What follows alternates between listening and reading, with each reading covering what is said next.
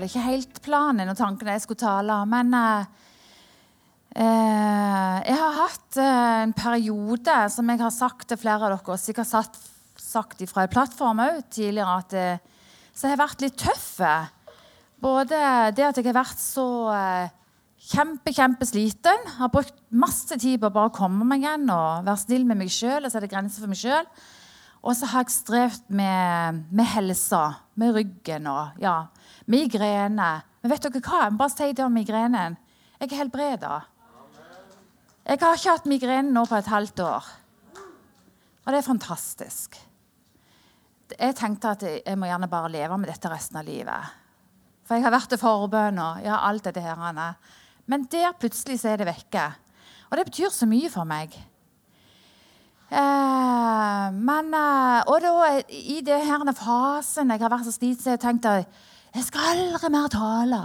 Jeg skal aldri mer Jeg hadde ikke lyst til å lede med ingenting lenger. Jeg var så sliten. jeg var så... Nå skal jeg bare slappe av, jeg vil være bare pensjonist og bestemor og bare kose meg. Tenker, Nå må jeg få lov til det, vel? Men så, så var det liksom en tanke der bak i forhold til Akkurat som jeg kjente Gud, Gud sa til meg Tove, det kommer ikke an på hvordan du begynner. Det kommer an på hvordan du fullfører. Den lå liksom der hele veien. Ja, det var ei tid for meg for å hvile. Jeg ønsker å være i hans kall og hans ledelse hele veien. Jeg ønsker å være villige, jeg ønsker å være lydige. Når han leder meg til noe, kaller meg til noe, så ønsker jeg det. Men så har jeg også kjent det har vært viktig for meg å ta tid til meg sjøl og sette grenser. Men i det vil jeg si òg, i den perioden som var for litt over et år siden, så var jeg inne i en I fjor høst, for halvannet år siden, så var jeg inne i en periode der jeg kjente at jeg opplevde noe som var så urettferdig. Og jeg kjente at jeg ble så forferdelig lei meg. Jeg syns jeg ble så urettferdig behandla. Det var noe som ble sagt om meg som ikke var sant, og jeg kunne ikke forsvare meg. Og jeg kjente det var dette er ikke sant. Jeg kjente jeg ble knust. Igjen av å bli urettferdig behandla av folk jeg, jeg kom til å trodde på løgner meg. Det gjorde noe med meg. Og jeg gikk inn i en sånn fase der jeg bare etter hvert begynte å synes synd på meg sjøl. Jeg la meg bare helt ned og lå mest sånn i sånn fosterstilling og bare grein og syntes synd på meg sjøl. Og det var ikke noe som bare varte ei uke, det varte i måneder. Og etter hvert så kan det bare For jeg ba òg til Gud hjelp meg. Jeg trenger det helbredelse. Jeg vet at det er feil å synes synd på meg sjøl, men jeg klarte ikke noe annet. Det var tydeligvis en sesong jeg måtte gå igjennom. Så var jeg faktisk her på et møte, så var det hos Zoe Christiansen som var her for Troens bevis. Så hadde jeg profetisk ord til en eller annen. Og det traff meg mitt hjerte. Og jeg kjente at Gud ser. Han så mitt sår. Han så at det var begynt å gå betennelse i det. Og det er det som er farlig når det begynner å gå betennelse i et sår. For, for min del så var det det Ja, greit nok å synes synd på seg sjøl, men når det begynner å bli så selvmedlidende at det plutselig kan det gå over i bitterhet, og hjertet blir hardt Og er da det kommer inn bevar ditt hjerte framfor alt det du bevarer. Jeg måtte bare over meg, gi meg igjen. Jeg vet det, Gud. Jeg vet om alt dette her. Du må ta meg, du må hjelpe meg, du må helbrede mitt hjerte. Og så kunne jeg ikke gjøre noe mer enn det. Og så opplevde jeg over en periode at han virkelig tok meg under behandling, og han helbreda hjertet mitt. Og var så god med meg og kjente bare hans nerver. Og så kjente jeg at jeg ble så bevisst på dette her. Om vi bevarer hjertet sitt framfor alt du bevarer, som det står i ordspråkene. Vil du få opp det, Rakel?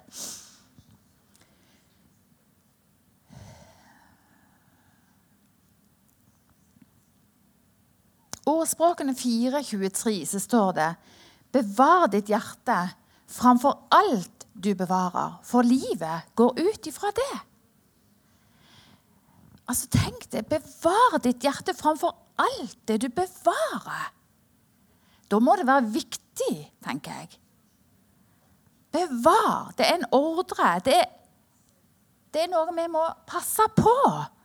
Å bevare hjertet framfor alt du bevarer.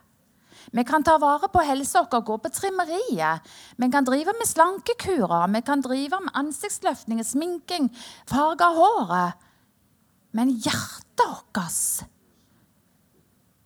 Jeg tror det er så viktig å bare minne hverandre på det. Bevare hjertet. For vi har en fiende. Han er ute for å legge ut feller for oss. Og det kan virke så uskyldig. Fordi at ja, jeg hadde nok rett til å synes synd på meg sjøl, for det var urettferdig. Og jeg er sikker på at du òg har opplevd det. Mye som du tenker ja, men dette, Ingen har opplevd sånn som jeg har. Så jeg har egentlig litt rett. Altså, Det er synd på meg. Har, ikke, har vi ikke opplevd det egentlig alle sammen? Det er egentlig synd på meg. Dette her er egentlig dårlig gjort. dette her. Og det, det er helt sant.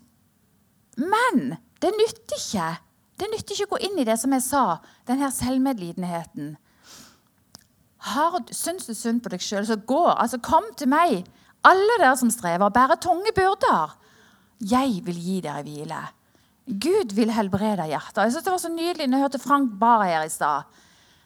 Det tror jeg var en profetisk venn rett ifra Guds hjerte. Der Gud kaller dere inn til sitt hjerte, inn i sin favn.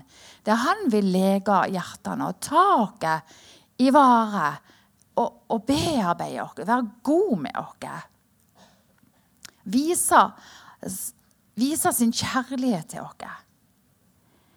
Og omsorg, utfrielse og gjenopprettelse. Og så kan det være, sånn som for min del, eller for din del òg, at hvis du har blitt urettferdig behandla, ja vel Gud tar seg av det. Gud vil bringe retten fram. Han vil komme med sannheten. Det trenger ikke vi tak av.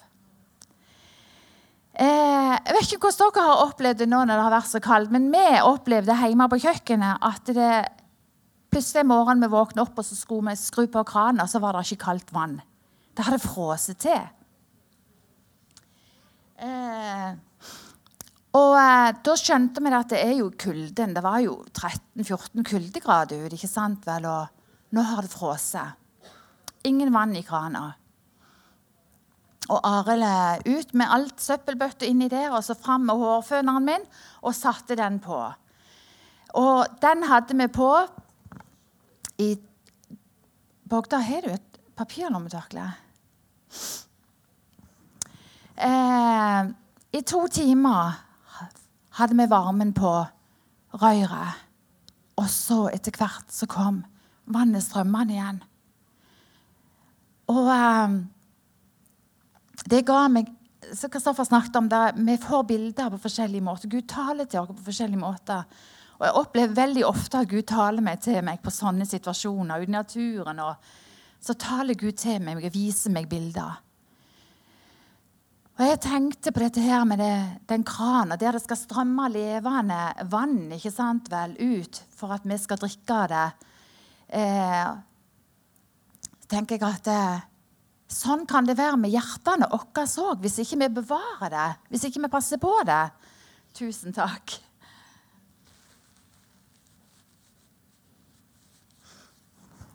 At hjertet kan bli hardt og likegyldig eh, sånn at livet ikke strømmer fram. Og det livet strømmer ikke verken den ene eller andre veien. Du har ikke kontakt lenger med Gud. Det å være kristen blir en religiøs aktivitet. Vi går til søndagsmøte. Vi tar fram kanskje andagsbok av og til og leser i den for å få litt god samvittighet. Gir litt offerkorg, så blir det en aktivitet istedenfor et liv. Og vet du hva, jeg tror bare Gud er så altså Han lengter så etter hjertene våre. Hjertene våre. Han vil ikke ha offer. Han vil ikke ha gaver, først og fremst. Han vil ikke ha aktivitet. Han vil ha hjertet ditt. Han vil ha kommunikasjon. Det står i 1. Korinterbrev 1,9.: Gud er trofast, for han har kalt dere inn i fellesskap med sin sønn Jesus Kristus. Han har kalt dere først og fremst til fellesskap med sin sønn Jesus Kristus. Jesus kom ikke til verden for å dømme verden, for å komme med pekefinger. Han kom for å frelse verden. Den knuste verden. Verden som hadde hardt hjerte, som strevde og drev med ofring og, og, gjorde så godt de kunne. Jesus kom med liv. Han kom med frelse. Det står i Lukas 4, 18. Jeg må bare lese det. Eh, det Jesus sier. Han forteller hva hans oppdrag er. Herrens ånd er over meg, for han har salvet meg til å forkynne evangeliet for de fattige. Han har sendt meg for å helbrede den som har et sønderknust hjerte, og for å rope ut frihet for fanger, og for at blinde skal få synet igjen, og for å sende, sette undertrykte i frihet, og for å rope ut et nådens år. Det var Jesus, Jesus sitt oppdrag. Og det er, Jesus var på jorda i kort stund. Men nå er det vi som har det oppdraget, å være lyset ut andre mennesker. Men da er det så viktig at det er kommunikasjon med himmelen. At vi har kommunikasjon. At vi er i intimitet og i fellesskap med Jesus. At han får tale til oss, får lode ned. Sånn jeg våkna natt i går, så våkna jeg bare opp klokka tre, helt lys våken, så jeg kjenner bare hvordan Gud bare taler til meg. og Bare loader ned og loader ned. ikke sant? Og bare så kjenner jeg ja, men hva skal jeg med alt dette her nå? Ja, Kristoffer sa jeg skulle gjerne tale en gang, men jeg vil ikke. Men da kjente jeg bare kanskje jeg skal tale på søndag. Ja, men Kristoffer har jo tenkt å tale. Ja, men du bare spør han. Hvis ikke han er klar, hvis ikke han har noe, så er det deg, meg han ville bruke.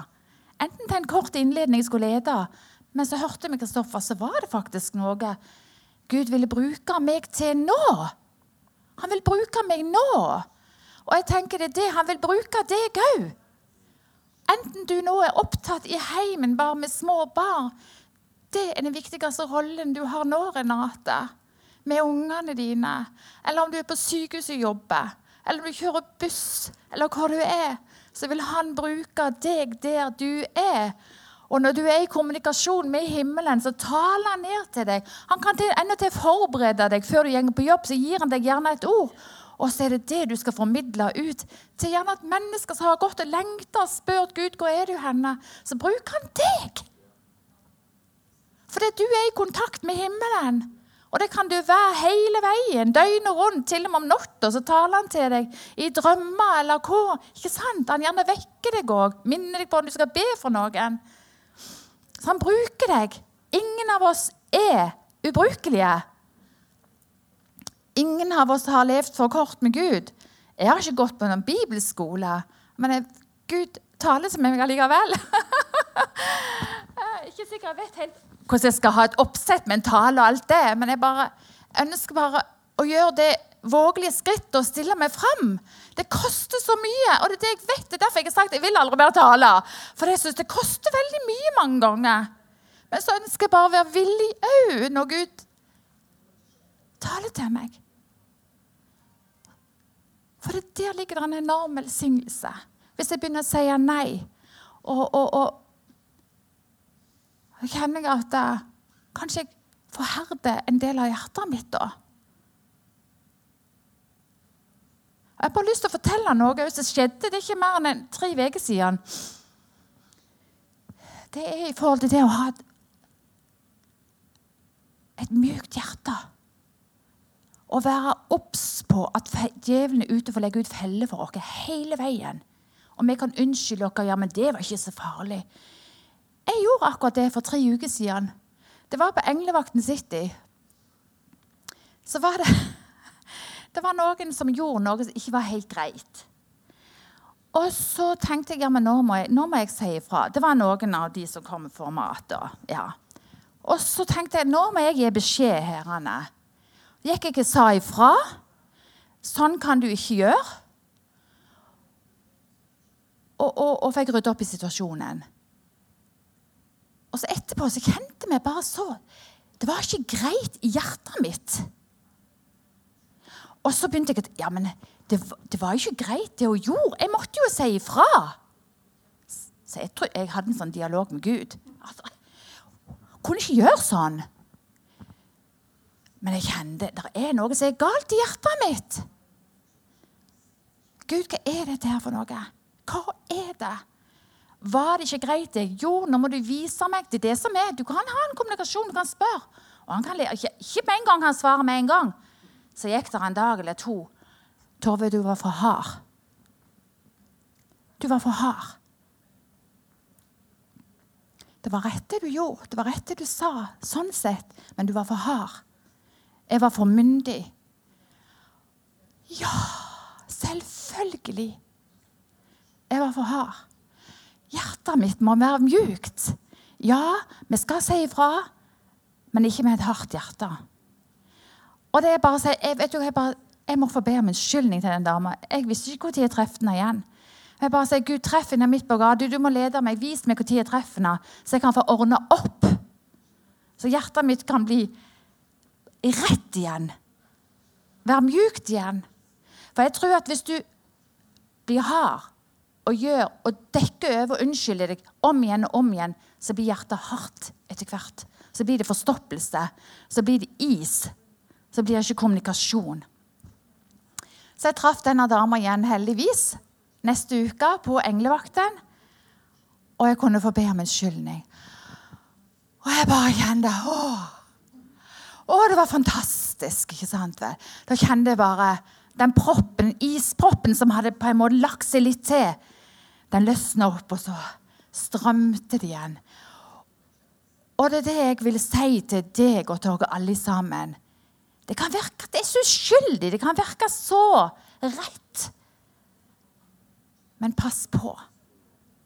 Vær bevisst. Bevar hjertet ditt, for livet strømmer ut ifra det. Så eh, Jeg tror det er bare så viktig at vi, hvis vi skal få se at denne byen skal bli frelst Hvis vi skal få se vekkelsen Vekkelsen begynner med oss. Det er vi som har vekket oss opp først. Og omvendt noe. Det står i Jakob 5 tror jeg, med at å bekjenne syndene for hverandre, sånn at hjertet skal bli helbreda. Ja, det tror jeg òg er en ting som er litt glemt blant dere kristne. Å bekjenne syndene for hverandre. Erkjenne. Nå erkjente jeg, ikke sant vel? Og jeg kan si det, ja vel. Jeg har vært kristig i alle år, men jeg gjør feil. Men det er så godt når jeg kan bare dette sammen, ramle sammen og erkjenne og bekjenne syndene mine, så at hjertet mitt skal bli helbreda. For det er der Gud taler til. Han bruker deg med ditt hjerte ut til mennesker. Din omsorg og ditt hjerte, det, det er det han bruker. Han taler til deg, og han vil at du skal gå ut. Og det er noe med det brutta, i det brutta, det søndagknuste. Det er der Gud er. Ikke sant? Den knuste krukka. Når vi er knuste og har litt skavanker og litt sånn, Helt avhengig av Gud. Det er da hans lys kan skinne gjennom oss. For jeg får det ikke til sjøl. Hver dag som jeg lever det overgitte livet til Herren. Hver dag. Det er ikke noe jeg gjorde eller har gjort for 40 år, 50 år siden, men hver dag. Det knuste livet, det overgitte livet. Jeg er helt totalt avhengig av deg, Jesus. Bruk meg i dag. Lær meg å være ydmyk, tålmodig. I 1. Korinterbrev 13 så står det om hva kjærligheten er. Kan ikke det helt på rems, men av og til prøver jeg å sette meg sjøl inn i det. Er jeg tålmodig? Er jeg utholdende? Ikke alltid. Men da er så Gud, må bare, da må jeg tilbake igjen til Jesus, til korset. Det er han som gjør meg tålmodig. Det er han som gjør meg kjærlig. Jeg kan ikke noen ting. Hans kraft fullendes i vår skrøpelighet. Er ikke det fantastisk? Derfor kan han bruke oss. For det er han som gjør det. Når vi lever det overgitte livet til han. Og da tenker jeg det er håp for oss alle sammen. Ja. Så at vi kan gå ut i denne verden med det beste budskapet om at Jesus elsker denne verden. Og han ønsker å ta oss i behandling. Han ønsker å følge oss med sin fred, sin glede, sin kjærlighet. Wow. Amen. Mm.